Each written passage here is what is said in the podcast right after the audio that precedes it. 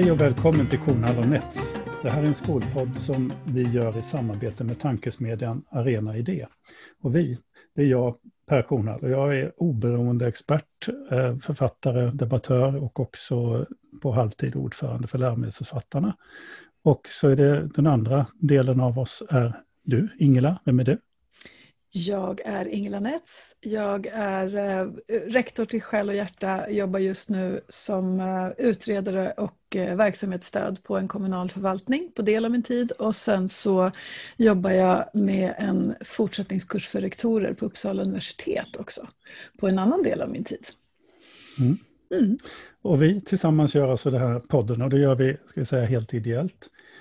Eh, vi gör det därför att vi tycker det här är så himla kul att prata om skola och samhällsfrågor och eh, med, med de gäster som vi har med oss. Eh, och vi pratar företrädesvis med människor som är engagerade i skolan på olika sätt. Dagens gäst tror jag inte vi behöver presentera så hemskt mycket egentligen. För det är ingen mindre än Bengt Westerberg som ju var partiledare för Folkpartiet mellan 1983 till 1995, varit ett lång lång tid varit riksdagsledamot och också var socialminister i, i en regering mellan 1991 till 1994. Välkommen Bengt. Tack så mycket. Det är för det första, det känns som en stor ära att få ha dig med. Eh, du tillhör ju de alltså personer i svensk politik som ju... Eh, de mest, du, du är en av de mest namnkunniga politikerna. Alltså du har ju till och med en effekt uppkallad efter dig. Hur känns det? Ja, just det, fast det var ganska länge sedan. Jag tänkte på det när du sa att ni samtalar med personer som är engagerade i skoldebatten. Jag får väl erkänna att det har inte varit något av mina huvudämnen när jag har varit politiskt engagerad, utan det är en del annat som har tagit mer tid. Men skolan är ju oundviklig på något sätt för alla politiker, så att jag har naturligtvis följt debatten, och, både när jag var partiledare och eh, senare. Ja, och, att jag bjuder in dig det beror ju på att jag, jag, vet ju att vi har träffats i olika sammanhang där vi har pratat skola och, och att du har haft åsikter och tankar och, och som jag är nyfiken på eh, och som vi är nyfikna på. Mm. Och det är ju någonstans precis i den där skärningspunkten mellan skola och samhälle och idé om samhälle som, som också konsekvenserna blir eh, det ena eller det andra för alla de som jobbar i skolan. Så det, det är ju en fråga som verkligen berör och är aktuell konstant. Så är det. Sen ska jag ju säga att jag, att jag som bakgrund till det här läst, har jag ju suttit och, och läst i den här Westerberg-effekten, som, som boken som kom ut på Fri Tanke ganska nyligen. Ju. Uh, och det som har slagit mig då är ju, jag tänker bara så att du vet att jag kommer vara där lite grann i mina frågor, så är det ju den, den otroligt intressanta historiska beskrivningen som du ger om eh, socialliberalismen, alltså liberalismen i form av Folkpartiet och sedermera då Liberalernas påverkan. Och inte minst då på svensk skolpolitik, eller hur?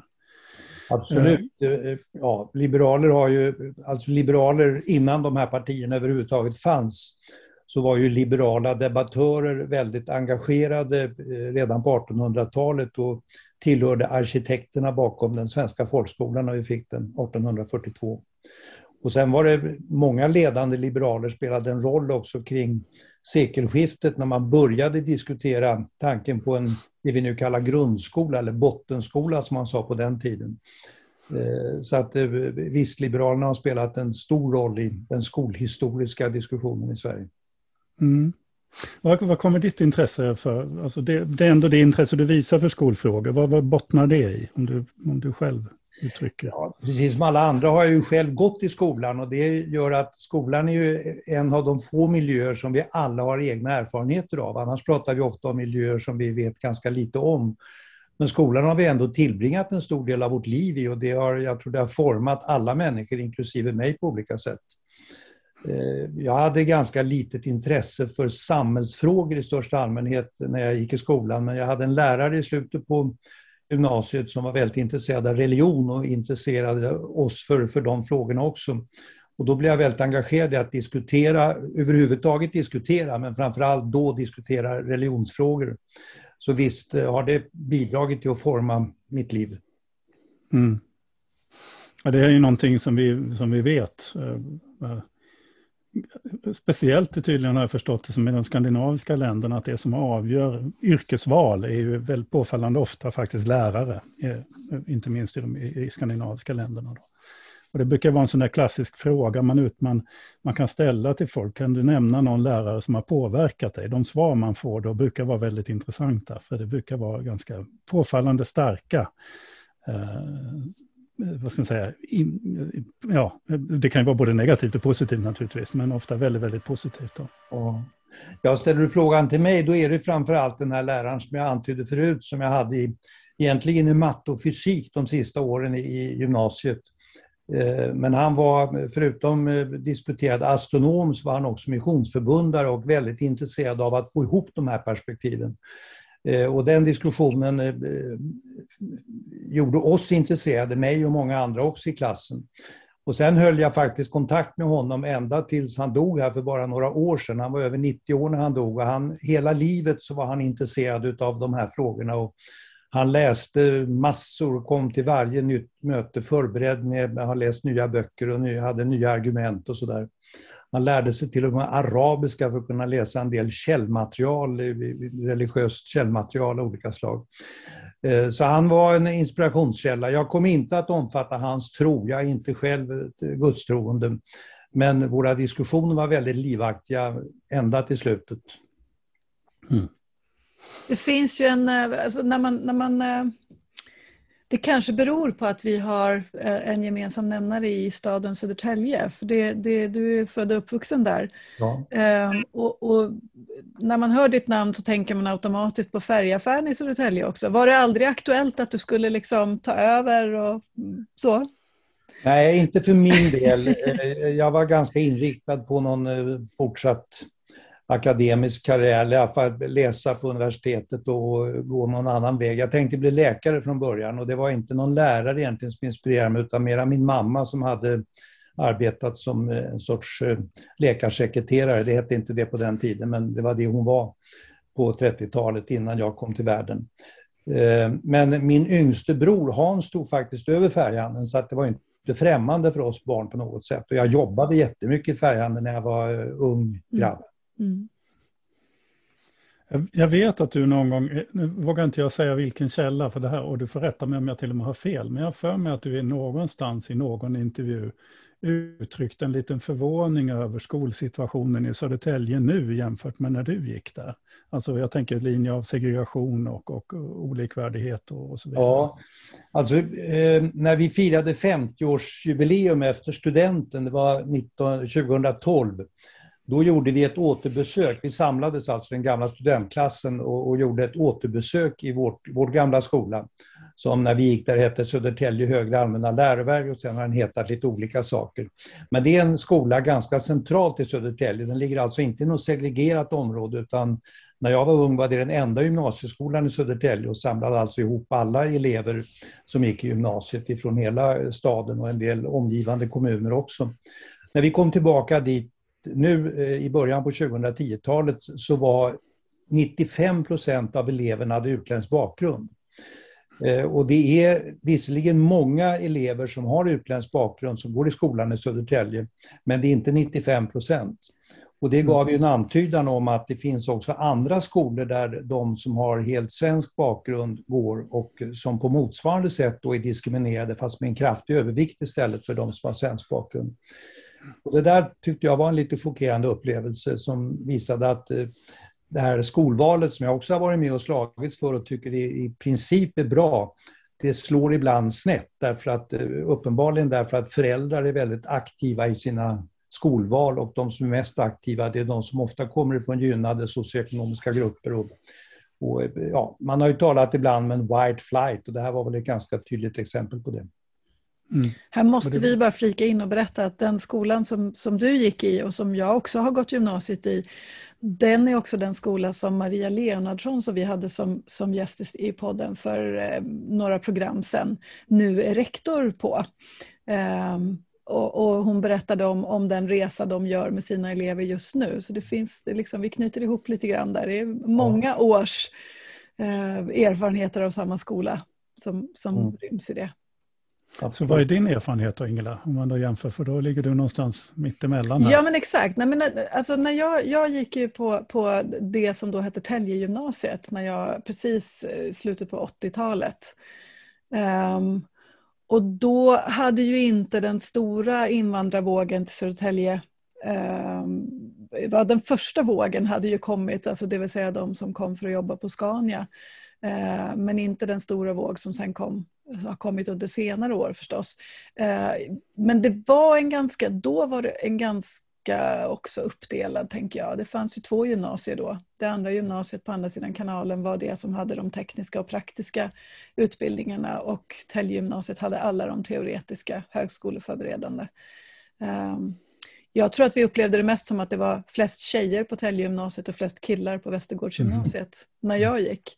Men mm. jag vet ju efter också att ha jobbat på förvaltningsnivå i Södertälje ett antal år att det som bekymrade och, och som jag tror fortfarande bekymrar var ju att Södertäljeeleverna, de, de som inte har invandrarbakgrund, om man nu ska låta sig generalisera så, um, de åker ju vidare in mot Stockholm. De åker till Rönninge, Tumba, Huddinge, in till stan för att gå på gymnasiet. Medan de, de ungdomarna som kommer från, från lite mer segregerade områden eh, med tuffare förhåll, förhållanden så, blir kvar i Södertälje när de går gymnasiet. Så visst, visst för att din... Intressant, ja. intressant också eftersom den här skolan som jag sa inte ligger i något segregerat område. Man kan inte mm. säga att det är boendesegregationen som Nej. här är problemet. Det kan det vara på andra håll men här mm. är det inte det utan här är det andra faktorer som spelar in. Mm. Och det där vet ju du, det har ju vi tittat för att i gymnasiet har vi ju alltid haft en, en, en, kraftfull uppdelning naturligtvis. Det som du beskriver om de praktiska programmen har ofta legat för sig och, och, de studieförberedande för sig. Har funnits en, en sån tradition. Och, och, du nämner ju också det med flickor och pojkar som är ett intressant samtalsämne också där. Men det som bekymrar mig väldigt mycket, och det vet ju du Bengt, som, det är ju att högstadie, vi ser samma saker ske på högstadiet. Vi gjorde ju en studie på och den har vi dessutom förfinat nu på 30 mellanstora svenska kommuner och då tittar vi på högstadieskolor istället. Och vi ser ju det här mönstret är kraftfullt. Det som är då, och det vet, det, det vi ser också att, att det inte är avståndet då som gör den här skapande segregationen. För där i den studien har vi, vi har gjort en förfinad studie där vi alltså bara tittar på de skolor som ligger nära varandra i de här kommunerna. Det vill säga där det inte är avståndet som avgör. Eh, det är alltså helt möjligt att välja det ena eller det andra och vi ser en kraftfull, eh, en kraft, ska vi vara riktigt eh, transparenta, så är vi en kraftfull överrepresentation av svenska välutbildade barn på de aktiebolagsdrivna skolorna, inte på friskolorna generellt. Där ser vi ingen sånt utfall. Där är det faktiskt väldigt likt de kommunala skolorna. Men de aktiebolagsdrivna skolorna har en klar övervikt av svenskfödda välutbildade barn Eh, det är en kraftfull sån effekt. Alltså. Det är två, två gånger mer sannolikt än något sånt där, att man väljer att man hittar dem på de skolorna än på de kommunala skolorna. Inom rimligt, alltså tre kilometers avstånd. Eh, för mig kan det kännas som en lite grann ändå ett, ett, ett, ett man säga, det är definitivt mot det som gått, som eh, gått, vad heter han, Fridtjuv Berg, jag fick Gottfrid i huvudet, men Fridtjuv Berg skriver en gång i tiden om just folkskolan som bottenskola, alltså den gamla, den gamla liberalen. Då. Att det, att det var inte så han tänkte sig att, att folkskolan eller bottenskolan skulle fungera. Då. Nej, det är väl ingen, jag menar han, han var ju skolpolitiker i slutet på 1800-talet och början på 1900-talet, men det är nog ingen liberal, kanske inte så många andra heller, som har tänkt sig att det ska fungera på det sättet. Alltså när vi hade den här diskussionen om att ge större utrymme för friskolor i början på 90-talet, då, då, då var det ju inte det alls man såg framför sig, utan det var ju mera det här att erbjuda pedagogiska alternativ. Vi hade ju några få exempel då, till exempel Waldorfskolor på några ställen i Sverige och det fanns några privata gymnasieskolor, framförallt i Göteborg och på några andra ställen. Eh, men det var ju framförallt det här med att, att eh, kunna erbjuda alternativ. Jag hade en sån där personlig erfarenhet, en klasskamrat till en av mina döttrar som eh, vantrivdes i den kommunala skolan och hon bodde då ute i Bromma och hittade Kristofferskolan, en Waldorfskola där ute som hon kunde gå i och det blev jättebra för henne. Och det var lite grann inspirerad av sådana exempel som jag i alla fall drev det här kravet på att man skulle ha se med lite större generositet på friskolor. Inte därför att jag tänkte att de kommunala skolorna var dåliga, mina egna döttrar gick där och det gick alldeles utmärkt för dem, utan för att jag tänkte att det kunde behövas flera skolor så att elever kunde hitta skolor som passade dem. Så att säga. Det innebär inte att en skola behöver vara dålig, men den kanske inte passar alla elever och då kan det vara bra att det finns alternativ att välja på. Det var ungefär så jag såg på det. Mm. Du, du, har, du, citerar Kenneth Galbraith i boken. Eh, mm. Ett citat som jag verkligen fastnade för, som jag tycker berör lite grann det här, när du säger att de kommunala skolorna behöver inte vara dåliga, för jag upplever att samtidigt att det har funnits en, en shame and blame på de kommunala skolorna i, i någon mening i den politiska debatten. Det kanske är så att man i vissa kretsar har, har försökt skapa en bild för att motivera, men jag vet inte. Men, men Kenneth Hellberg säger i alla fall, eh, och i någon mening är det här citatet lite tidsmarkerat, men han säger spritdrycker, seriemagasin, som, där har vi nått lite längre i den, i den kulturella debatten idag, men han säger spritdrycker, seriemagasin och munvatten solar sig i glansen av den fria marknadens goda anseende. Alltså att man då tycker att det är... Eh, alltså. Och så säger han, skolor, domare och kommunala simbassänger drabbas av samma ringaktning som dåliga monarker. Man skulle kunna säga lärare också då. Mm. Att lärare klumpades ihop i det här eh, obehagliga eh, som man skulle slåss emot, medan marknaden alltid var, var rätt, så att säga. Och det är ju naturligtvis så att Galbraith vänder sig mot en sån beskrivning. Det här skrev han ju i slutet på 50-talet, men eh, samma argument har jag ju hört långt, långt senare, inte minst ifrån företrädare för näringslivet som ofta talar om den närande och den tärande sektorn och då tillhör ju skolan och mycket annat den tärande sektorn. Och det de bortser ifrån då det är ju att även inom denna sektor, alltså välfärdssektorn om man uttrycker sig i, i generella termer, har ju en väldigt positiv effekt också för den ekonomiska utvecklingen. Och det är en av Galbraiths poänger också. Han menar att det, under den period vi fick en utbyggd välfärdssektor så har vi haft en snabbare välståndsökning än någonsin tidigare. Så att de här två sakerna hänger ihop. Det är inte så att vi skulle bli lyckligare av att, att det bara fanns en privat näringslivssektor och ingen, ingen offentlig sektor alls.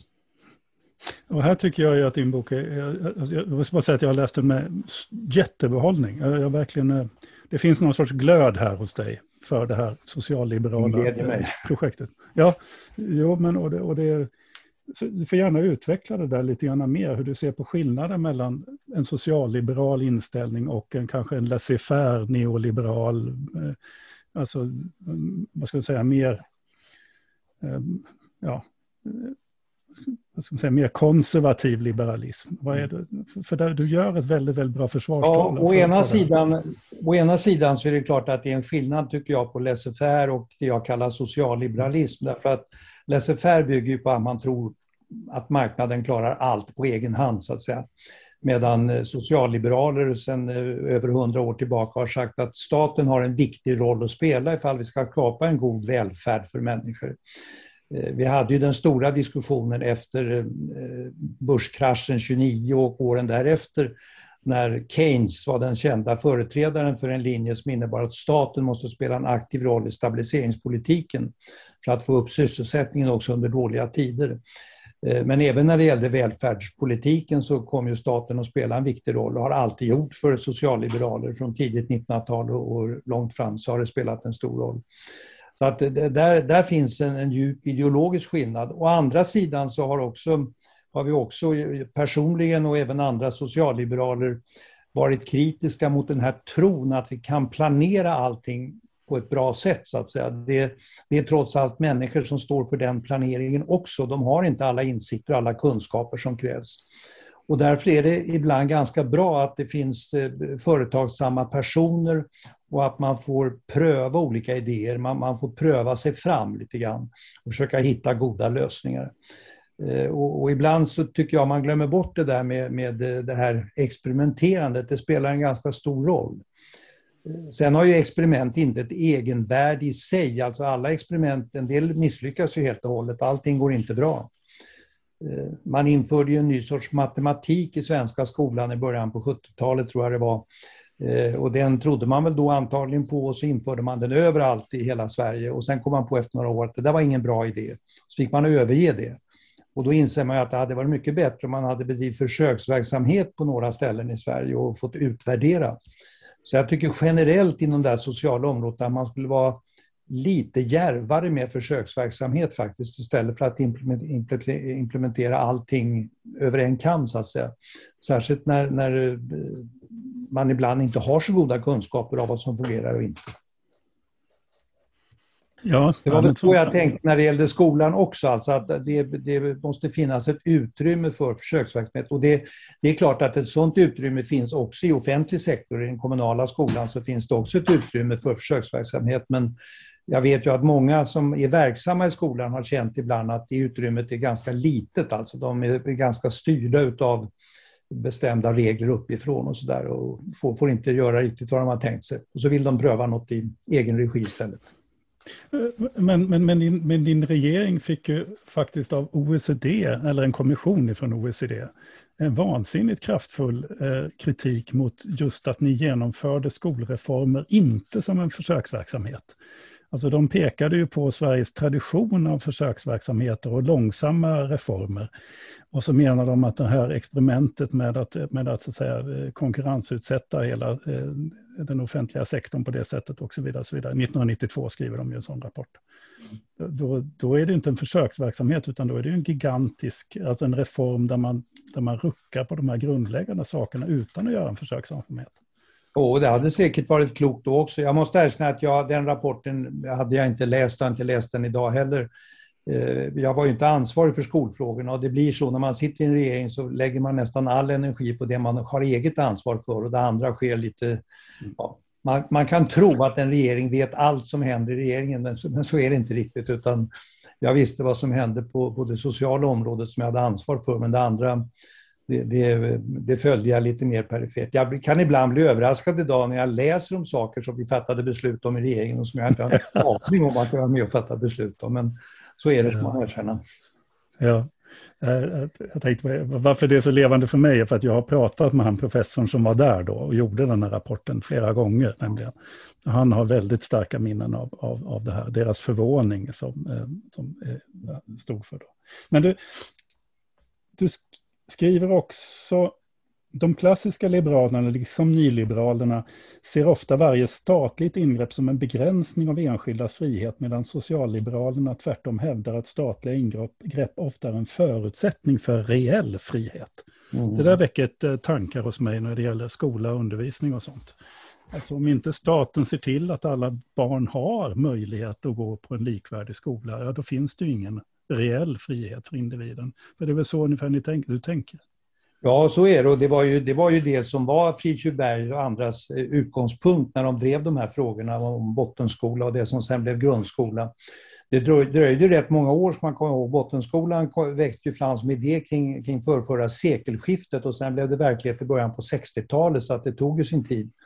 Så jag gick ju, när jag gick i skolan på 50-talet var det ju fortfarande den här parallellskolesituationen vi hade, alltså där vissa gick i läroverk som jag gjorde och eh, andra gick i grundskola eller enhetsskola som det hette på den tiden. Och sen eh, började vi faktiskt mötas i gymnasiet, annars var ju det en, en utbildningsgren bara för vissa personer. Men jag hade några eh, studentkamrater på gymnasienivå som hade gått i enhetsskolan, alltså kom från nionde klass in i gymnasiet. Så att det var, det var ett omvandlingsskede. Mm. Jag skriver om det lite grann i min bok också, att jag har grubblat på det här, hur mycket fick jag uppleva av den här nya skolan som skapades efter kriget kan man säga och blev verklighet på 60-talet. Men jag tyckte ju att det fanns ganska mycket av eh, demokratiskt tänkande och fri debatt och kritiskt tänkande och sådär också på 50-talet. Så att lite grann kände jag av de här nya tongångarna. Men det blev ju inte verklighet för några år senare.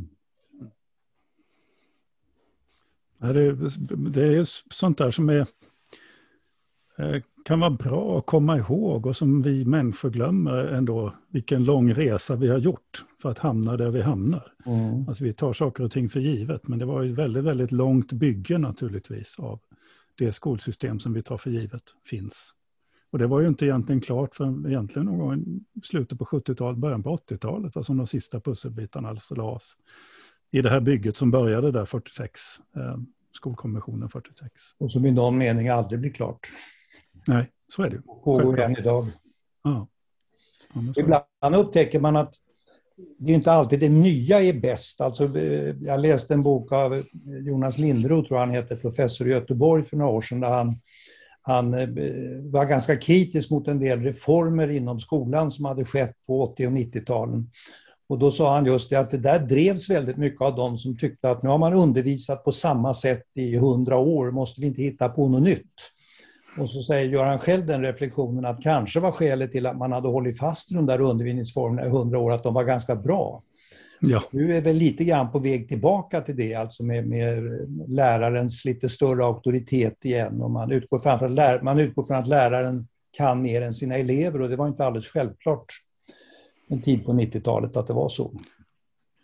Nej, och det är ju återigen en beröringspunkt som jag tänkte på faktiskt när jag läste det där citatet om, om det statliga ingreppet. Det, är, det finns ju en eh, utbildningsfilosof som heter Gert Biesta, Gert på svenska, men, men Gert på, på holländska, som eh, ju är, från början var väldigt, eh, ska man säga, inne i det här konstruktivistiska eller progressiva tänkandet, men som har svängt väldigt kraftfullt eh, eh, på slutet.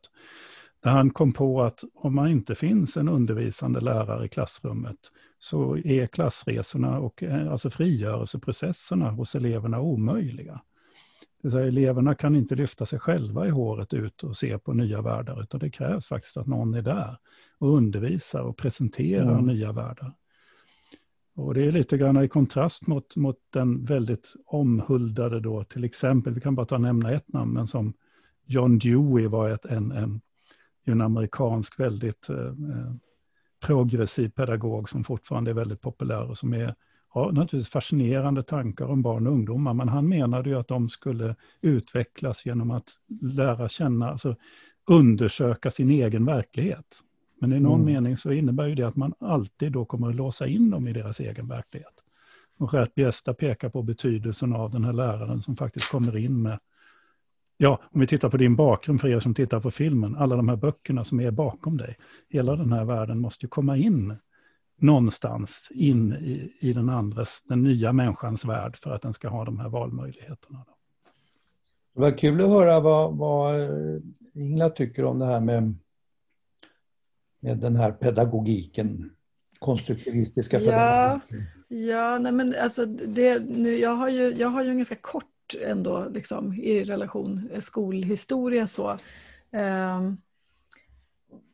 och, och jag tycker att, att det, man, det, man, det man slås av är ju att, att som väldigt mycket annat i samhället, apropå att det tog lång tid att bygga upp den här liksom, grunden, skolan som vi byggde någonstans efter kriget där, eh, så slår ju pendeln oftare och hårdare i botten åt båda hållen nu kan jag tycka. Mm. Åtminstone i debatten. Sen är ju själva förändringstakten, det finns ju liksom en, någon sorts fördröjningseffekt i ett, i ett stort och komplext system. Men, mm. men i, i de liksom politiska, hur man uttalar de politiska ambitionerna så kan jag ju tycka att det, att det slår väldigt, väldigt hårt åt alla håll. Mm. Men jag blev så nyfiken också Bengt, när du, du, du sa där att, att ibland så här i efterhand så kan du bli lite förvånad över vilka beslut som, som, som den regering som du var en del av fattade eh, i frågor som inte var liksom aktuella så konkret på ditt bord kanske. Det, jag tycker det där är en sån, sån spännande liksom generell fråga. När man har haft en sån position som du har haft under så lång tid och, och varit med där, liksom, där de, de stora viktiga besluten för en, ett land fattas. Hur, alltså, känner du någon sorts liksom, ansvar så här i efterhand när man ser att vissa saker blev inte som vi hade tänkt? Eller går det att släppa taget om, om saker och tänka att det här, nu är det någon annan som, som får, ta, får ta vid så att säga? Ja, släppa taget får man ju göra så småningom. Mm. Man kan inte liksom hålla fast med det. Men eh, visst, jag kan tänka att jag borde ha varit mer uppmärksam på sånt som hände i andra departement och eh, kanske följt frågor noggrannare. Men sen finns det ju en sorts, eh, det finns en begränsning för vad man klarar av som människa. Tiden räcker inte till helt enkelt. Och det ansvar man har som departementschef på ett departement, det räcker väl för att fylla dygnets 24 timmar nästan. Alltså det, det, det, så att jag på något sätt, jag har inte haft dåligt samvete, men jag har snarare blivit lite förvånad över ibland att det hände saker som jag inte visste. Alltså man tar det här med skolan som vi pratar om nu, så visste jag naturligtvis, jag visste att vi fattade beslut om, om friskolereformen och jag var lite engagerad till och med när vi höll på med en ny läroplan. Det fanns formuleringar om hur man skulle se på religion där som jag var involverad i för att det var, blev en kontroversiell fråga i regeringen där Kristdemokraterna hade lite annan uppfattning än vi. Och, och så, så, att, så att jag var inte helt borta för det här men eftersom jag i princip tyckte att det var bra med tanken på friskolereformen så kände jag på något sätt inte att jag skulle gå in och engagera mig i detaljer utan det var mera på ett övergripande plan som jag välkomnade den, den reformen. Eh, men sen kan det ju finnas såna här som det som Per berättade om den här OECD-personen som kommer in och har synpunkter då på, på reformen. Det var sånt som inte nådde fram till mig. Så att säga. Det, det, Beatrice Ask och möjligen Per Unckel kände säkert till det men men eh, det nådde inte ut till mig. Och jag fick naturligtvis jättemånga rapporter som de inte har en aning om heller. Så det var inte bara jag som inte hade inblick i allting, utan det gällde nog alla. Mm. Beatrice Ask har ju också uttryckt samma egentligen också som förvåning som du över att det var ändå, ändå inte riktigt det här vi hade tänkt oss. Alltså, och hon tänker ju väldigt mycket då på, på säga, koncernskolorna när hon uttrycker det. Men mm. en, en annan personlig fråga, är det också det att att det är så jävla spännande att vara minister och få den här möjligheten. Så att, så att även, jag menar, även om du hade, alltså, att det är så kul att hålla på med de frågor du då driver. Att, att, eh, förstår du vad jag menar lite grann? Att, att det, bara, det är egentligen samma svar kanske, men mm. att det inte spelar så stor roll allt det där andra som händer. Därför att du har så ja, det, fascinerande... Det, klart, det, spelar roll, det gör det, men, men eh, ett regeringssamarbete bygger ju mycket på att man också har ett visst förtroende för de man samarbetar med och det gäller även i en koalitionsregering med personer från olika partier. Och jag, jag kände väl att till exempel min kollega Olle Johansson i Centern, han, han skötte miljöfrågorna och jag litade på att han hamnade i ungefär samma slutsatser som jag skulle ha gjort om jag hade hållit på med de frågorna. Så att därför kunde inte jag lägga ner mycket tid på det, bortsett från när frågor ibland lyftes upp till partiledarnivå därför att de var väldigt kontroversiella. Till exempel Öresundsbron var en sån fråga som till och med fick Olle att lämna regeringen därför att han inte var nöjd med att vi fattade beslut om att bygga bron. Så att det fanns sådana frågor och jag hade ju också några sådana frågor, familjepolitiken till exempel med pappamånad och vårdnadsbidrag där som också var frågor som alla blev engagerade i därför att de var politiskt kontroversiella. Så att det fanns sådana frågor, men, men det hände ju också väldigt mycket annat hela tiden. Alltså en regering fattar ju hundratals beslut varje vecka och det är bara några få av dem som man kan sätta sig in i på djupet. Jag tror det är oundvikligt. Det har ingenting med just den tiden att göra, utan det är precis samma sak idag. Men, men, men var det då klokt av dig som, som socialliberal att ge eh, det gamla högerpartiet ett så stort förtroende? i välfärdsfrågor? Ja, alltså det inte, fungerar inte riktigt så. Det, när man kommer in i regeringen och bildar en koalitionsregering då får man representation i förhållande till sitt, eh, sin storlek. Eh, och vi fick då fyra ministrar utav de drygt 20 som finns i regeringen. Och själv ville jag bli socialminister därför att jag hade utlovat en viktig socialpolitisk reform, nämligen eh, det som kallas LSS, lagen om stöd och service till funktionshindrade med personlig assistans och annat. Och Anne Wibble var, blev finansminister, en av mina kollegor, och eh, sen fick vi i stort sett ta de poster vi fick därutöver, så att säga. Det, andra prioriterade andra poster. Och det tror jag också är ofrånkomligt. Det, det, handlar inte om att vi sitter och bestämmer vilka som ska göra vad, utan det, en, Nej, en men, men, du gör ju ändå lite grann den analysen att det var ändå farligt för partiet eh, att ni gick med i det här samarbetet, att, det, att ert röstsiffror gick ner på grund av det. Ja, det, det, gjorde det och det gick ner faktiskt innan vi hamnade i regering. Alltså ibland säger man att det är en belastning att sitta i regering och det kan det säkert vara i vissa fall och vi tappade lite grann när vi satt i regering. Eh, men den stora nedgången skedde faktiskt före valet 91. Alltså vi gick in i ett eh, samarbete och det, det håller jag med om. Det har jag i efterhand ångrat och tyckt att det var, det var en dumhet. Det var fel att vi gjorde det. Eh, men det handlade inte så mycket om skolan utan det var mera ekonomisk-politiska frågor som låg i det samarbetet. Mm. Jag tänkte, du nämnde det här med koncernerna och det där, jag har också grubblat mycket på det där med, för att vi såg ju, det är helt sant som Beatrice Ask hade sagt, att vi såg ju inte framför oss det här med stora skolkoncerner som skulle växa fram och få en dominerande ställning på, på marknaden. Eh, men jag är samtidigt lite kluven till det här måste jag säga, därför att jag inte... Jag kan vara kritisk ibland mot stora skolkoncerner och även andra stora välfärdsföretag. Men inte bara kritiskt, därför att fördelen med de här stora företagen det är att kunskap ofta sprider sig snabbare i sådana här företag. Alltså hittar de några någon bra pedagogik eller bra sätt att organisera verksamheten eller principer som man ska hålla sig till när det gäller ordning och reda i skolan och så, så kan det få ett ganska stort genomslag över hela landet, medan det däremot ofta tar väldigt lång tid för kommuner att lära av varandra. Jag har ju under mina år som politiker och även dessförinnan och därefter stött på massor med exempel, goda exempel på kommunal verksamhet. Man säger att bra att de har gjort det här, nu måste det här sprida sig snabbt till andra kommuner. Och så upptäcker man efter fem eller tio år att det har inte spritts överhuvudtaget utan det är som varje kommun måste själv hitta på eh, sin, sin lösning på problemen så att säga. Jag ska inte säga att det inte förekommer att man lär över kommungränser men, men det är en trög process. Och där kan faktiskt de här stora koncernerna på skolans område, men det finns även till exempel Humana på det sociala området. Eh, de kan sprida kunskap snabbare, så att det är inte bara negativt utan ibland positiva saker också. Sånt där det skriver jag om i Barnexperimentet 2013, just att en del av koncernerna, en del av deras verksamhet är ju mer välfungerande eftersom skola är en kunskapsintensiv verksamhet.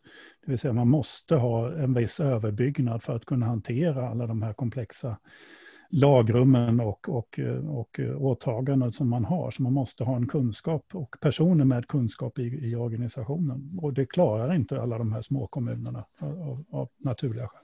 Men ni var ju också emot kommunaliseringen när det en gång skedde så att säga.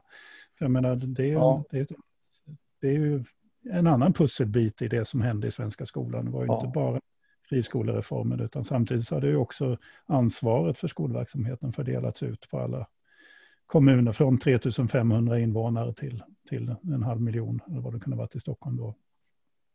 Ja, nej, men vi var ju oroliga just för att den här kommunaliseringen skulle leda till ökad ojäm, ojämlikhet i skolan, alltså att det skulle bli olika, för mycket av olika lösningar på olika områden. Eh, så därför så när, när vi blev, jag och Lars Leijonborg som då var skolpolitisk talesman för för Folkpartiet. Vi blev inbjudna vid tillfället till Göran Persson som var skolminister och han frågade hur vi såg på den här reformen och då var vi väldigt kritiska.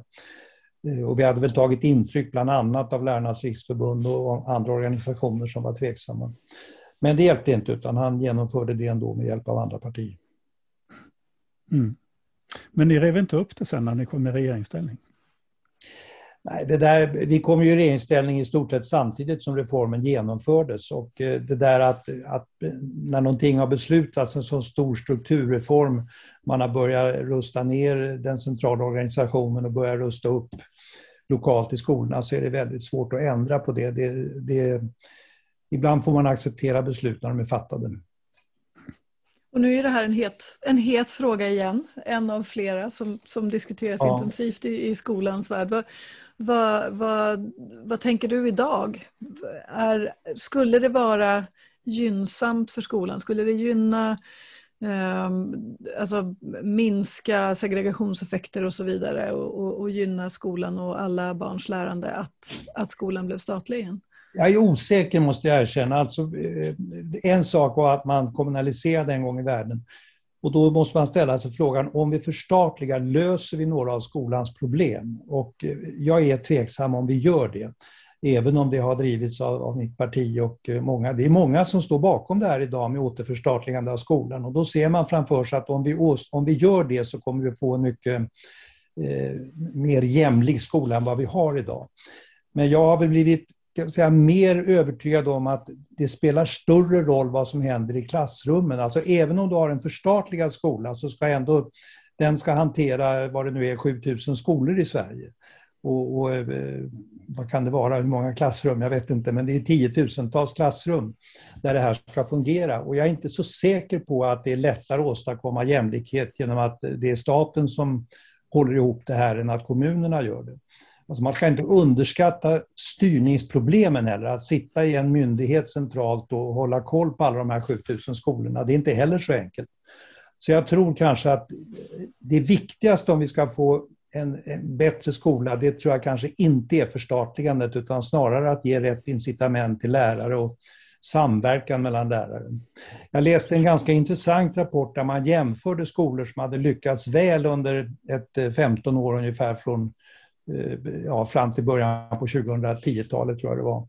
Eh, och skolor som har lyckats sämre och där ser man vissa drag, alltså i de skolor som lyckas väl, där handlar det mycket om nära samarbete mellan lärare och god ledning och så vidare och tydliga kunskapskrav på eleverna. Och jag kanske tror att det är mera sånt man ska ta fasta på om man ska åstadkomma en bättre skola, än det här med organisationen. Det är risk att det tar väldigt mycket resurser och energi i anspråk att göra om huvudmannaskapet igen. Men det utreds ju nu och eh, vi får väl se var man landar någonstans. Jag kanske har fel, det kanske löser problemen, jag är tveksam. Vi ser ju nu, förlåt Per, eh, alltså bara här i veckan så, så har det varit en, en snackis om en, en, eh, en lokalpolitiker som nu när undervisning också sker på distans och många elever sitter hemma i sina hem och, och deltar i undervisningen och, och, det finns en förälder kanske i bakgrunden som också jobbar hemma. Eh, en lokalpolitiker som hade hört av sig till en lärare och ifrågasatte eh, hens sätt att undervisa och, och beskriva. Eh, jag tror att det var kopplat till vad som hände i USA precis efter eller innan valet. Eh, efter valet på Kapitolium. Ehm, och ifrågasatte ganska hårt och, och, och liksom, ja, men antydde lite grann att här vill jag gå in och, och styra vad du säger och gör i klassrummet. Men, och då, då, tänker man så här, ja men det skulle man ju få bort om man inte hade lokalpolitiker som ska doppa fingrarna i, i skolsoppan. Men det kanske inte är så, det kanske skulle ske ändå. Ja, alltså i viss mån sker det nog ändå. Jag vet när Göran Persson genomförde kommunaliseringen, då sa han att också att eh, vi måste räkna med att vi får mer aktiva föräldrar i framtiden som kommer att ha synpunkter på hur skolan ska bli. Och han vill ju inte ha eh, friskolor men däremot så förutsåg han att lärarna skulle få lyssna mycket mer på föräldrar och ta hänsyn till de här föräldraopinionerna. Men det är klart att det blir väldigt extremt när de kan följa lektionerna så att säga genom att sitta hemma och titta på, på TV på vad ungarna får höra för någonting.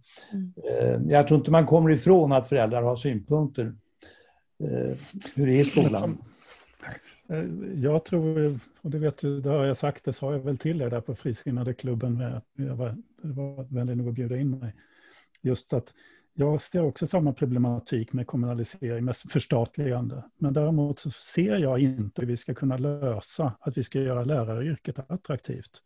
Om inte vi har en stor statlig aktör som ser till att läraryrket blir attraktivt igen. Det är den enda, det är den springande punkten för mig så att säga. Och det har också lite grann med, med likvärd finansiering och, och så vidare. Eh, och jag... Alltså problemet tycker jag är att man, om du tittar på olika samhällsområden så eh, när man ser att ett problem är svårlöst, då tror man ofta att man kan lösa det genom att ändra ansvarsnivån. Eh, vi hade tidigare låg en väldigt stor del av äldreomsorgen hos regionen eller landstingen som det hette då. Och i mitten på 90-talet kommunaliserade vi äldreomsorgen därför att vi trodde att vi löste problem. Nu i samband med coronapandemin så börjar man åter prata om att nu ska vi förstatliga, öka den statliga styrningen. Ungdomsvården låg ute på kommuner och landsting tidigare och i mitten på 90-talet var jag själv med och förstatliga det. Och nu är man missnöjd med resultaten av den statliga myndighet som bedriver eh, ungdomsvården och säger att nu måste vi nog flytta det till en annan myndighet. Alltså det är ofta tror man att man genom den här typen av organisatoriska förändringar kan lösa problemen, när de i själva verket kanske handlar om något helt annat än, än vilken myndighet som har ansvaret. Och det är lite, jag misstänker att det kan vara så med skolan, men skulle du ha rätt? Alltså är det så att lärare skulle säga att det blir mycket mer spännande att, att gå in i läraryrket om det är staten som är huvudman, då skulle jag vara beredd att förstatliga på en gång. Jag är bara inte så vad, jag, vad, jag menar är, vad jag menar är att en statlig part skulle kunna säga de här lönereglerna gäller. De här arbetsförhållandena gäller. Nu är det ju faktiskt 290 kommunala huvudmän plus, plus eh, tusentals fristående aktörer som, som varje fackförening hela tiden ska göra upp med på det lokala planet. Och det blir ju med, med, av nödvändighet väldigt, väldigt annorlunda och svårt. Ja, nej, att, att, att, få, att få ett genomslag Ja. väga argument mot varandra. Mm. Det är Men, för övrigt intressant att de som driver förstatligande, en del av dem i alla fall, till exempel mitt gamla parti som vill förstatliga skolan, samtidigt accepterar att friskolorna ska vara väldigt decentraliserade och utspridda. Mm.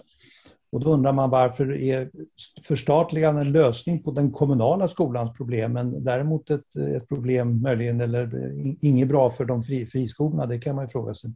Mm. Jag skulle vilja prata med dig lite om läsrörelsen, men på vägen dit så har jag en tanke som rör det här med koncernerna och, och styrningen. Då. Eh, vi har en påfallande trend i Sverige av att man, och då är koncernskolorna, en del koncernskolor, verkligen inte alla, men som genomför ju ett stort experiment i Sverige där man har hög andel engelskspråkig undervisning som genomförs av engelsktalande eh, påfallande lågavlönade lärare i svenska skolan. Där man använder det undantaget i skollagen som gav möjlighet till exempel till tyska skolan och franska skolan i Stockholm att ha, att ha icke-svenska lärarutbildade lärare. Men det sätter man ju i system ute i Sverige idag. Eh, och apropå läsning, du skriver någonstans just det där i ditt socialliberala manifest i slutet av boken, att det är faktiskt viktigt att vi, vad vi än tycker om nationalstaten och sånt, så behöver vi ha ett språk att liksom samtala med i, samtal, i, i samhället. Men om vi får en överklass där barnen inte riktigt lär sig svenska i undervisningen, därför att det är mer ekonomiskt fördelaktigt för ägarna att anställa Eh, lärare från Nya Zeeland och England och Kanada. Ja, nu, jag, jag, vet inte om det är så. Jag, jag har läst en del sådana uttalanden och jag hör dig säga det nu.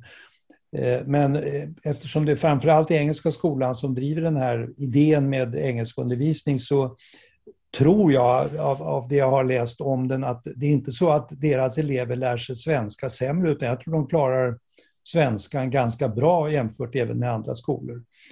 Eh, så att jag tror nog att de har lyckats relativt väl. Om det sen beror på att de har en sned socioekonomisk rekrytering till skolorna, alltså lättare elever så att säga, eller inte, det, det kan inte jag bedöma. Eh, när man frågar dem så nekar de ibland till det och säger att de finns minsann i skolor där det är en, en negativ socioekonomisk rekrytering också. Men jag har för liten överblick eller kunskap om detta för att kunna kommentera det egentligen. Mm. Men ditt engagemang för läsrörelsen, för du och jag har en gemensam nämnare till och det är Elisabeth Reslegård. Ja. Jo, det där startade, eh, hon och eh, Inger Claesson Westberg som var handikappombudsman drog igång en kampanj om dyslexi i mitten på 90-talet och ville att jag skulle vara ordförande i kampanjorganisationen, vilket jag då accepterade. Och sen när vi hade avslutat den kampanjen så hade vi ju upptäckt att det här med läsning, det var ett problem naturligtvis för dyslektiker, men inte bara för dem, utan vi såg hur man läsningen bland framförallt barn och unga minskade och föräldrars läsning för barnen minskade. Och då drog vi igång den här läsrörelsen som jag var aktiv själv i några år i början och den finns kvar fortfarande men eh, idag är jag bara en vanlig enkel medlem i organisationen. Eh, men tanken var ju just det här att eh, uppmuntra läsning. Alltså det, det, det är mycket som konkurrerar med läsningen idag. Till exempel eh, titta på tv och vara med på nätet och sådana där saker. Och det finns väl en tendens fortfarande, nu har jag inte sett några undersökningar alldeles nyligen, men då i alla fall fanns det en tydlig tendens till att barn läste färre böcker och framförallt när det började bli lite svårare med kapitelböcker och sådär så gick läsningen tillbaka. Och då ville vi eh, propagera lite för att läsning trots allt är väldigt viktigt. Även i den här moderna åldern med ny informationsteknik och så, så är läsningen fortfarande viktig av, av många olika skäl. Eh, och eh, ja, något bidrog vi nog till att uppmärksamma frågan i alla fall och det har tagits ett antal initiativ under åren för att försöka hjälpa till. Och det kommer säkert att behövas mycket sådana här propaganda och kampanjer också framöver därför att de här tekniska förutsättningarna de ändras ju inte utan det går snarare åt andra hållet att läsningen tappar mark jämfört med andra tekniker. Ja, det finns ju sådana, det finns ju sådana väldigt obehagliga signaler i PISA. Eh, också i TIMS, det fanns ju nu en forskare, Monica Winterek och hennes kollegor som ju visade att som ju också visade olikvärdigheten i läsningen. Det vill säga att det finns fortfarande en grupp svenska elever som läser väldigt mycket. Men den grupp som inte läser så mycket läser dramatiskt mycket mindre. Alltså vi får en, en, en, en också här en, större skillnad i, i, i läsningen i skolan. Ja. Det, men vad är det som är läsning? För det, vi har haft sådana här profeter, digitaliseringsprofeter i svenska skolan som alltså menar att, att läsning är, är en, är en Eh, det är någonting vi inte behöver längre. Vi kan köra filmer och prata bara. Vi, vi kan hoppa över det här komplicerade. Det är, en, det är en komplicerad inlärningsprocess. Alltså vi kan bara hoppa över det, för nu kan vi ha allting tillgängligt som filmer och så. Vad är, vad är det som läsning gör som inte... Ja, alltså det är möjligt att jag, jag, är, jag är numera en gammal man, så att jag kanske lever i, i någon gammal kultur också. Men det är ju ändå så att läsning har vissa... Läsning är en speciell typ av inhämtning av kunskaper. Där man, när man läser en bok, man kan anteckna i boken, man kan stanna upp och läsa om, man kan låta någon annan läsa och diskutera innehållet, man kan läsa om. Jag plockar upp, ofta ut många av de här böckerna som står bakom mig här och, och läser om kapitel eller ibland hela böcker. Och det, det, är klart att du, du, kan se om filmer och så också, men eh, det gör man inte så ofta. Framförallt går man inte in och tittar på en scen i en film så enkelt Eh, som man kan plocka fram ett kapitel i en bok och så. Så att jag tycker att det är, och det, dessutom, jag tror att det abstrakta tänkandet påverkas väldigt mycket av bokläsning. Jag vet Ronny Ambjörnsson som eh, var professor i idé och lärdomshistoria uppe på Umeå universitet framhöll för några år sedan just det här att hur, hur läsningen hade påverkat utvecklingen av det abstrakta tänkandet och där tror jag att det ligger mycket i. Och vi behöver utöver alla konkreta saker som omger oss, så behöver vi också lite abstrakt tänkande. Och det, kan man uppmuntra det så tror jag att det är positivt. Mm. Så jag tror läsningen har särskilda kvaliteter som skiljer det från andra former av kulturella yttringar. Och jag, jag, tror att vi alltid kommer att behöva läsning. Och, och, där tänker jag då som, som ju till alldeles nyligen har jobbat dagligen i skolan och, och, och kämpat med, med det här ganska svala intresset för läsning hos väldigt många barn och hos deras föräldrar måste man ju tillägga då, för det är förstås så att det grundläggs eh, väldigt mycket hur, hur kulturen är hemma kring böcker och tidningar och så vidare. Eh, och föräldragenerationen nu är ju internetgeneration som, som är uppvuxna med att man kan läsa på nätet och man inhämtar sin information på andra sätt än genom en, en papperstidning eller en bok. Så. Men är det här någon sorts liksom kamp mot väderkvarnar? Är det någon, ens någon idé att, att tänka om, om, vi, om vi tänker i ett lite längre perspektiv att, att den här klassiska typen av läsning i en pappersbok faktiskt kommer att finnas kvar och, och, och liksom behålla en viktig funktion? Eller är det bara, blir det bara en liten, en liten, liten klick eh, människor som, som på något vis ägnar sig åt det som någon sorts hobby medan samhället liksom går vidare i andra sätt att, att förmedla information och, och, och, ge alla de här värdena som du beskriver. För mycket av det går ju naturligtvis lika bra att göra på nätet och digitalt som det gör i en pappersbok. Det här att Ja, alltså det, det, är väl en, det, det, jag tror säkert att vi kommer att se en sån här utveckling åt det håll som du beskriver. Det tror jag. Ja, men det har vi redan sett nu under de gångna årtiondena så att det kommer att fortsätta. Men jag tror att det, det, är ändå klokt om man tillägnar sig förmågan att läsa en bok och förstår värdet av det, att så många som möjligt gör det. Alla kommer säkert inte att göra det.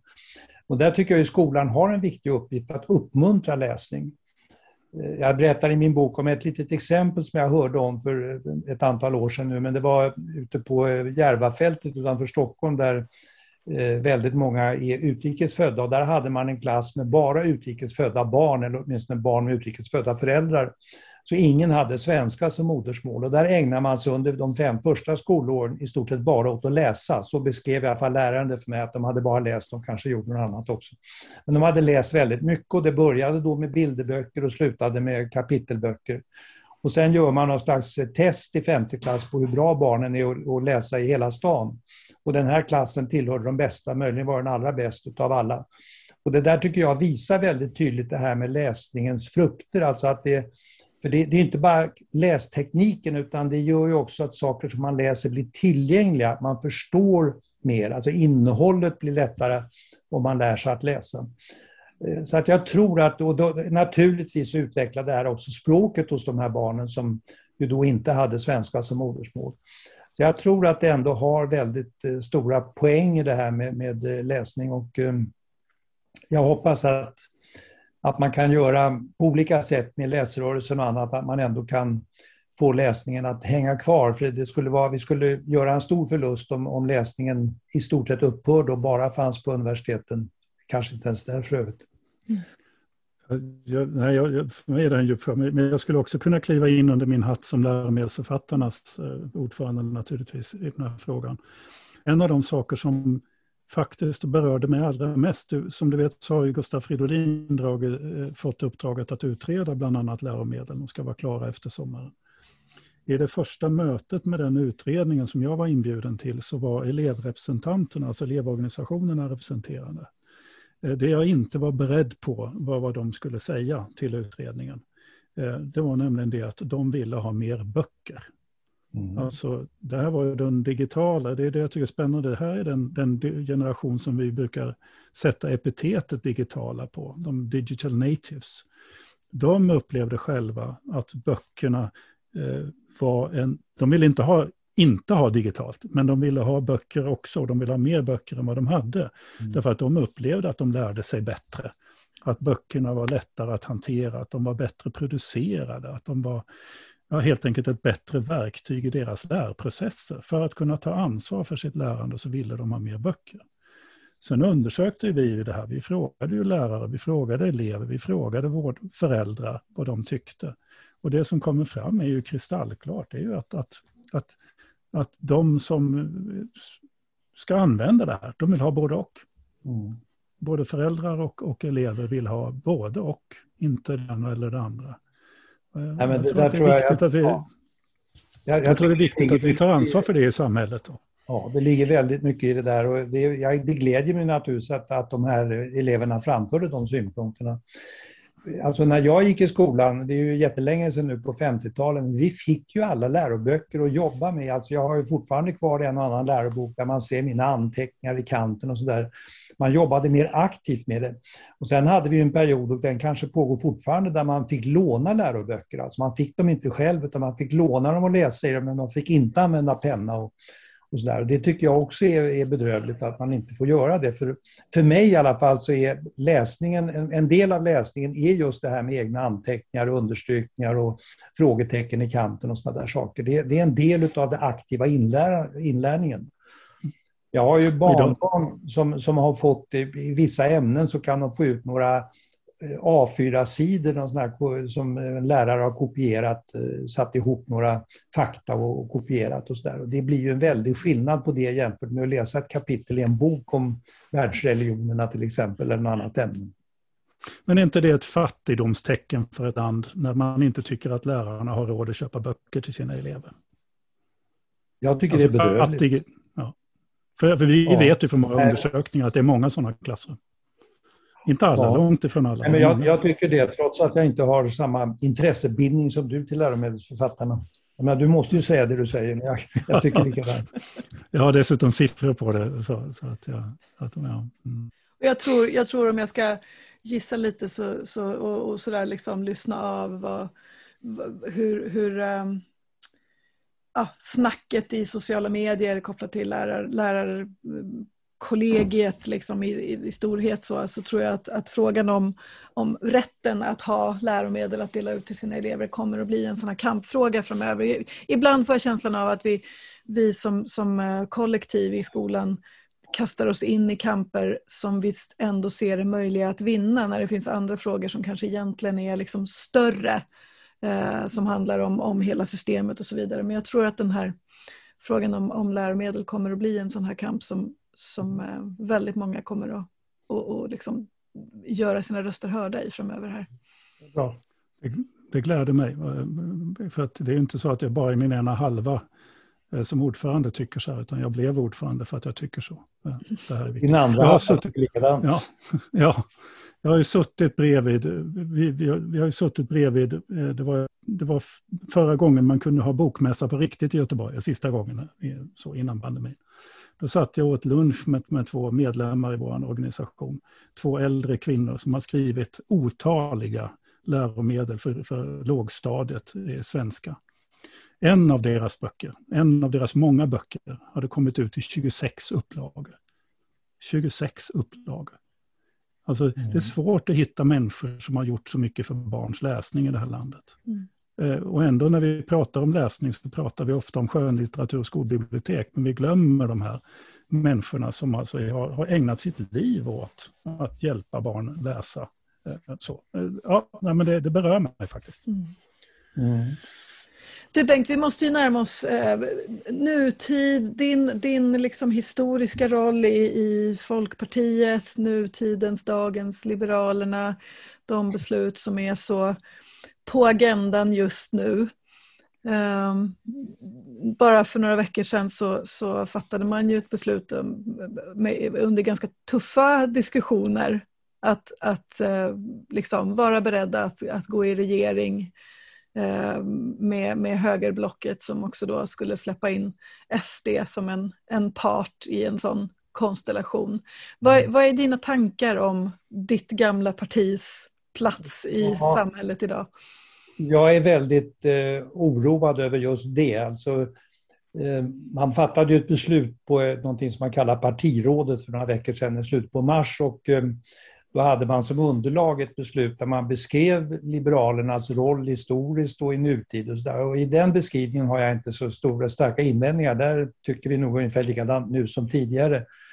Men det är ju just den här relationen till Sverigedemokraterna som jag har väldigt svårt för. Och, eh, Eh, jag, är, jag får väl säga att jag är väldigt kritisk till det beslut man fattade. Jag tycker det skulle vara helt främmande för ett liberalt parti att samverka med och bidra till att, att ge ökad makt till ett parti som Sverigedemokraterna. När de kan få makt om, om folket vill det. Vi har ju demokrati och det kan gå lite hur som helst i, i valen. Men jag tycker inte att ett liberalt parti ska medverka till att de får det, utan snarare ta kampen mot det. Det är ju också sorgligt att det inte ska finnas någon borgerligt sinnad väljare som kan hitta något parti eh, att rösta på som, som, som, som, väljer en annan, som väljer en annan väg än den som då beslutades, kan jag tycka. Också med bakgrund till allt det där ja. sociala, liberala projektet som socialdemokrater och liberaler faktiskt har bedrivit tillsammans i svensk politik. Ja. Väldigt. Nej, jag, hade, jag var ganska eh, lite glad i alla fall när det här ja-överenskommelsen träffades i början på 2019 och tänkte att det här kanske kunde leda till ett, ett närmande. Den var ju lite, får man ju erkänna, lite snabbt ihopkommen och så där, var väl inte så genomtänkt på alla punkter men jag tänkte att nu kanske man istället börjar tänka och jobba framåt i tiden. Men det är ju uppenbart att Liberalernas nuvarande partiledare är väldigt kritisk mot den uppgörelsen. Hon har ju från första dagen i stort sett motarbetat den. Så att det, Eh, det, det, verkar inte vara aktuellt. Men det är ju rätt konstigt, för, för jag menar, där fick ju rätt små partier med, alltså röstmässigt väldigt stort inflytande på en regeringspolitik. Så det måste ju ändå ses som ett väldigt, väldigt framgångsrikt eh, överenskommelse. För ja. slippa, ja. Nej, men det finns en, en... Alltså hos många personer så finns det en, en sorts jag skulle nästan säga hat mot socialdemokrater. De, de, har inte den här historiska kunskapen om hur liberaler och socialdemokraterna samarbetat. Man gjorde det för hundra år sedan när man införde demokratin, men även under min tid som partiledare hade vi i många stora frågor ett väldigt nära samarbete. Det mest kända är den stora skatteuppgörelsen 1990, det som kom att kalla århundradets skattereform. Ehm, eh, så att det fanns ju ett sådant samarbete då också. Där, där verkar det på något sätt ha skett något brott under, efter millennieskiftet där man står längre ifrån varandra än tidigare. Så att det, är ett, eh, ja, det är en ny situation. Vi får väl se vad som mm. händer. Det, du sa förut att det, det är svårt att hitta alternativ, men det är klart att eh, Centern har i alla fall fram till idag stått på sig, tycker jag, i sin inställning till Sverigedemokraterna och en viss öppenhet till Socialdemokraterna. Sen vet jag inte om det håller ända fram till valet, det får vi se. Men, men just för dagen så agerar de ungefär som jag skulle önska att ett socialliberalt parti gjorde. Mm. Har det blivit viktigare att, att ha makt än att, att hålla riktningen i sin moraliska kompass i politiken? det känns lite grann så att, att i, i, valet, om man ser de två sakerna som två strategier, så verkar det som den här maktstrategin har tagit över lite grann, tycker jag, i, i Liberalerna nu. Jag, jag, upplever det. Samtidigt ska man säga att de understryker i det här, det här dokumentet som man hade den 28 mars, så understryker man ju också de liberala värderingarna och allt, man ska slåss för det. Men jag tycker att det saknas en insikt om att det finns andra aktörer också. Alltså man, det är som om Liberalerna kunde bestämma hur Sverigedemokraterna ska agera. De ska inte vara med i regeringen, de ska inte budgetförhandla och så. Och då rusade naturligtvis Åkesson omedelbart ut och sa att jo, men vi kräver att få budgetförhandla och kanske kräver vi att få vara med i regering. Och det är klart att de har då kanske 20 procent i ryggen och Liberalerna 4 så kan man ju inte utgå från att det är Liberalerna som bestämmer hur andra ska agera. Kommer Liberalerna sitta kvar i, i eh, riksdagen efter nästa val? Ja, det är en öppen fråga. Eh, det hade det ju varit oavsett vilken strategi man hade valt eftersom man ligger på en ganska låg nivå nu. Men jag har noterat, som Per var inne på förut, att samma, ett nära samarbete med Moderaterna som vi hade i början på 90-talet och som jag själv i hög grad var skyldig till och som man har haft med den här allianssamarbetet från 2004 fram till 2018, det har inte gynnat det liberala partiet utan tvärtom har partiet gått kraftigt tillbaka i, i, inom ramen för bägge de här samarbetsprojekten.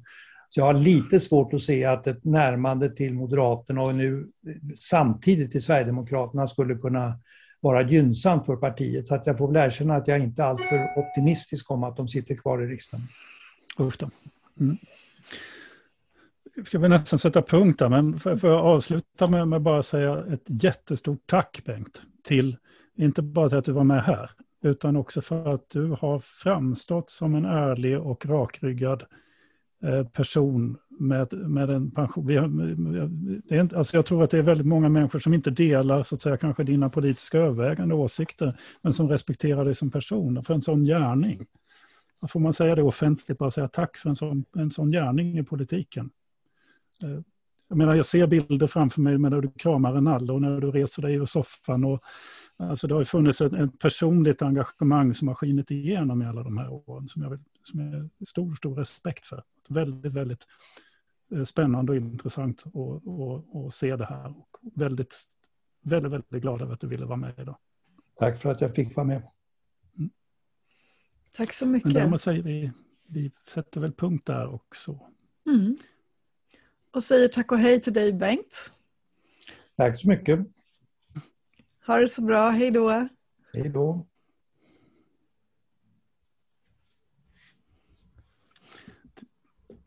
Det är så här Bengt, att är det så att, eh, att du säger att nu har jag sagt någonting väldigt dumt, så säg till oss i så fall. Då får vi säga Nej, till jag, är, jag tror att jag kan stå för det jag har sagt. Det tror jag också. Ja, tack ska ni ha. Tack. tack och hej. Hej.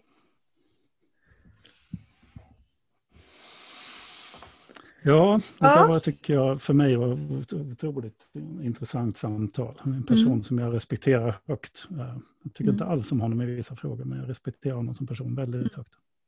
Och, och, ett samtal som, som liksom har, har verkligen böljat över väldigt många olika områden och frågor. Så, mm. helt, helt naturligt på något vis. Jag tycker det är så det är spännande att prata med människor som har den här liksom, överblicken över så många samhällsfrågor och skeenden och som, som är intresserade av det mesta. För det mm. hänger ju ihop, det är ju verkligen så. Mm. Jag tycker hans bok är spännande på det sättet att, och det kan man ju inte säga till honom, att, att den är så fort han inte eh, pratar politik eh, så är boken inte alls lika intressant.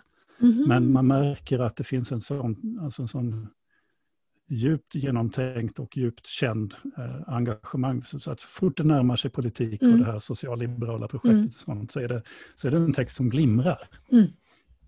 Eh, verkligen glimrar i, mm. sin, i, i, tydlighet och klarhet och engagemang mm. och sånt. Men, mm. men som kanske inte egentligen tycker det är lika viktigt att skriva om färghandlaren i Södertälje. som man måste göra då i början. Just det här lovade jag min sambo att inte säga i, i, radio, eller i, i podden, men nu har jag gjort det i alla fall. Ja, ja, men den boken ser jag fram emot att läsa också. Mm. Kul. Mm. Ja, men det är bitar av den som, som, man, som absolut är nyttiga och bra att läsa för att också mm. förstå vad det, hur, hur skapades politik i Sverige mm. på 1900-talet mm. och fram till idag. Ja, och jag tror att det här, det här historiska perspektivet, det, det, jag ska ju ärligt säga att jag har inte varit och är fortfarande inte superinsatt i liksom, de historiska politiska skeenden som, som har skett innan, innan mitt engagemang för skola och samhälle väcktes för inte mer än 10-15 år sedan. Så att, men, men varje gång man lyssnar på någon som har det perspektivet och har liksom den här tidsrymden med sig så inser man ju hur viktigt den kunskapen är för att förstå vad som händer idag. Och det, mm. det går ju att översätta direkt till, till skolan apropå, apropå skolfrågor. Liksom, hur oerhört viktigt det är att ha historisk insikt för att förstå sin nutid och också kunna mm. på något vis navigera i, i, en framtid eller en tänkt framtid. Så. Ja, det var fint. Och han, har, han hade en alldeles fantastisk bokhylla bakom ryggen, Bengt Westerberg. Ja. Ni, som, ni som lyssnar, även om ni inte tycker att ni vill titta på oss hela tiden när vi pratar, så gå in och kolla i, i Youtube-klippet bara för att få se Bengt Westerbergs bokhylla. Yes. Jag tycker det var väldigt bra ja, avslutning. Verkligen. Jag tycker inte vi behöver säga mer. Eh, utan du har just lyssnat på ett avsnitt av Korna och Nets. Det här är en skolpodd som vi gör i samarbete med tankesmedjan Arena Idé. Och vi som gör den, vi heter Per Kornall och Ingela Nets. Och vi intervjuar oftast i alla fall, någon gång har vi faktiskt pratat bara med varandra, men oftast intervjuar en eller flera personer vars kunskaper, position eller arbete vi tycker är intressant för den svenska skolan, eller som i det här fallet kanske med en utvidgad samhällsdebatt. Om du har en önskegäst eller om det finns frågor du vill att vi ska belysa, hör av dig till oss i så fall. Du hittar kontaktuppgifter där du hittar podden. Vill du inte bara ha oss i öronen utan också i ögonen så finns vi faktiskt då, som vi sa här nu, det går att titta på oss också på Arena Idés hemsida och Facebook-sida och YouTube och så vidare. Men med det säger vi tack för den här gången. Hej då! Tack för idag. Hej då!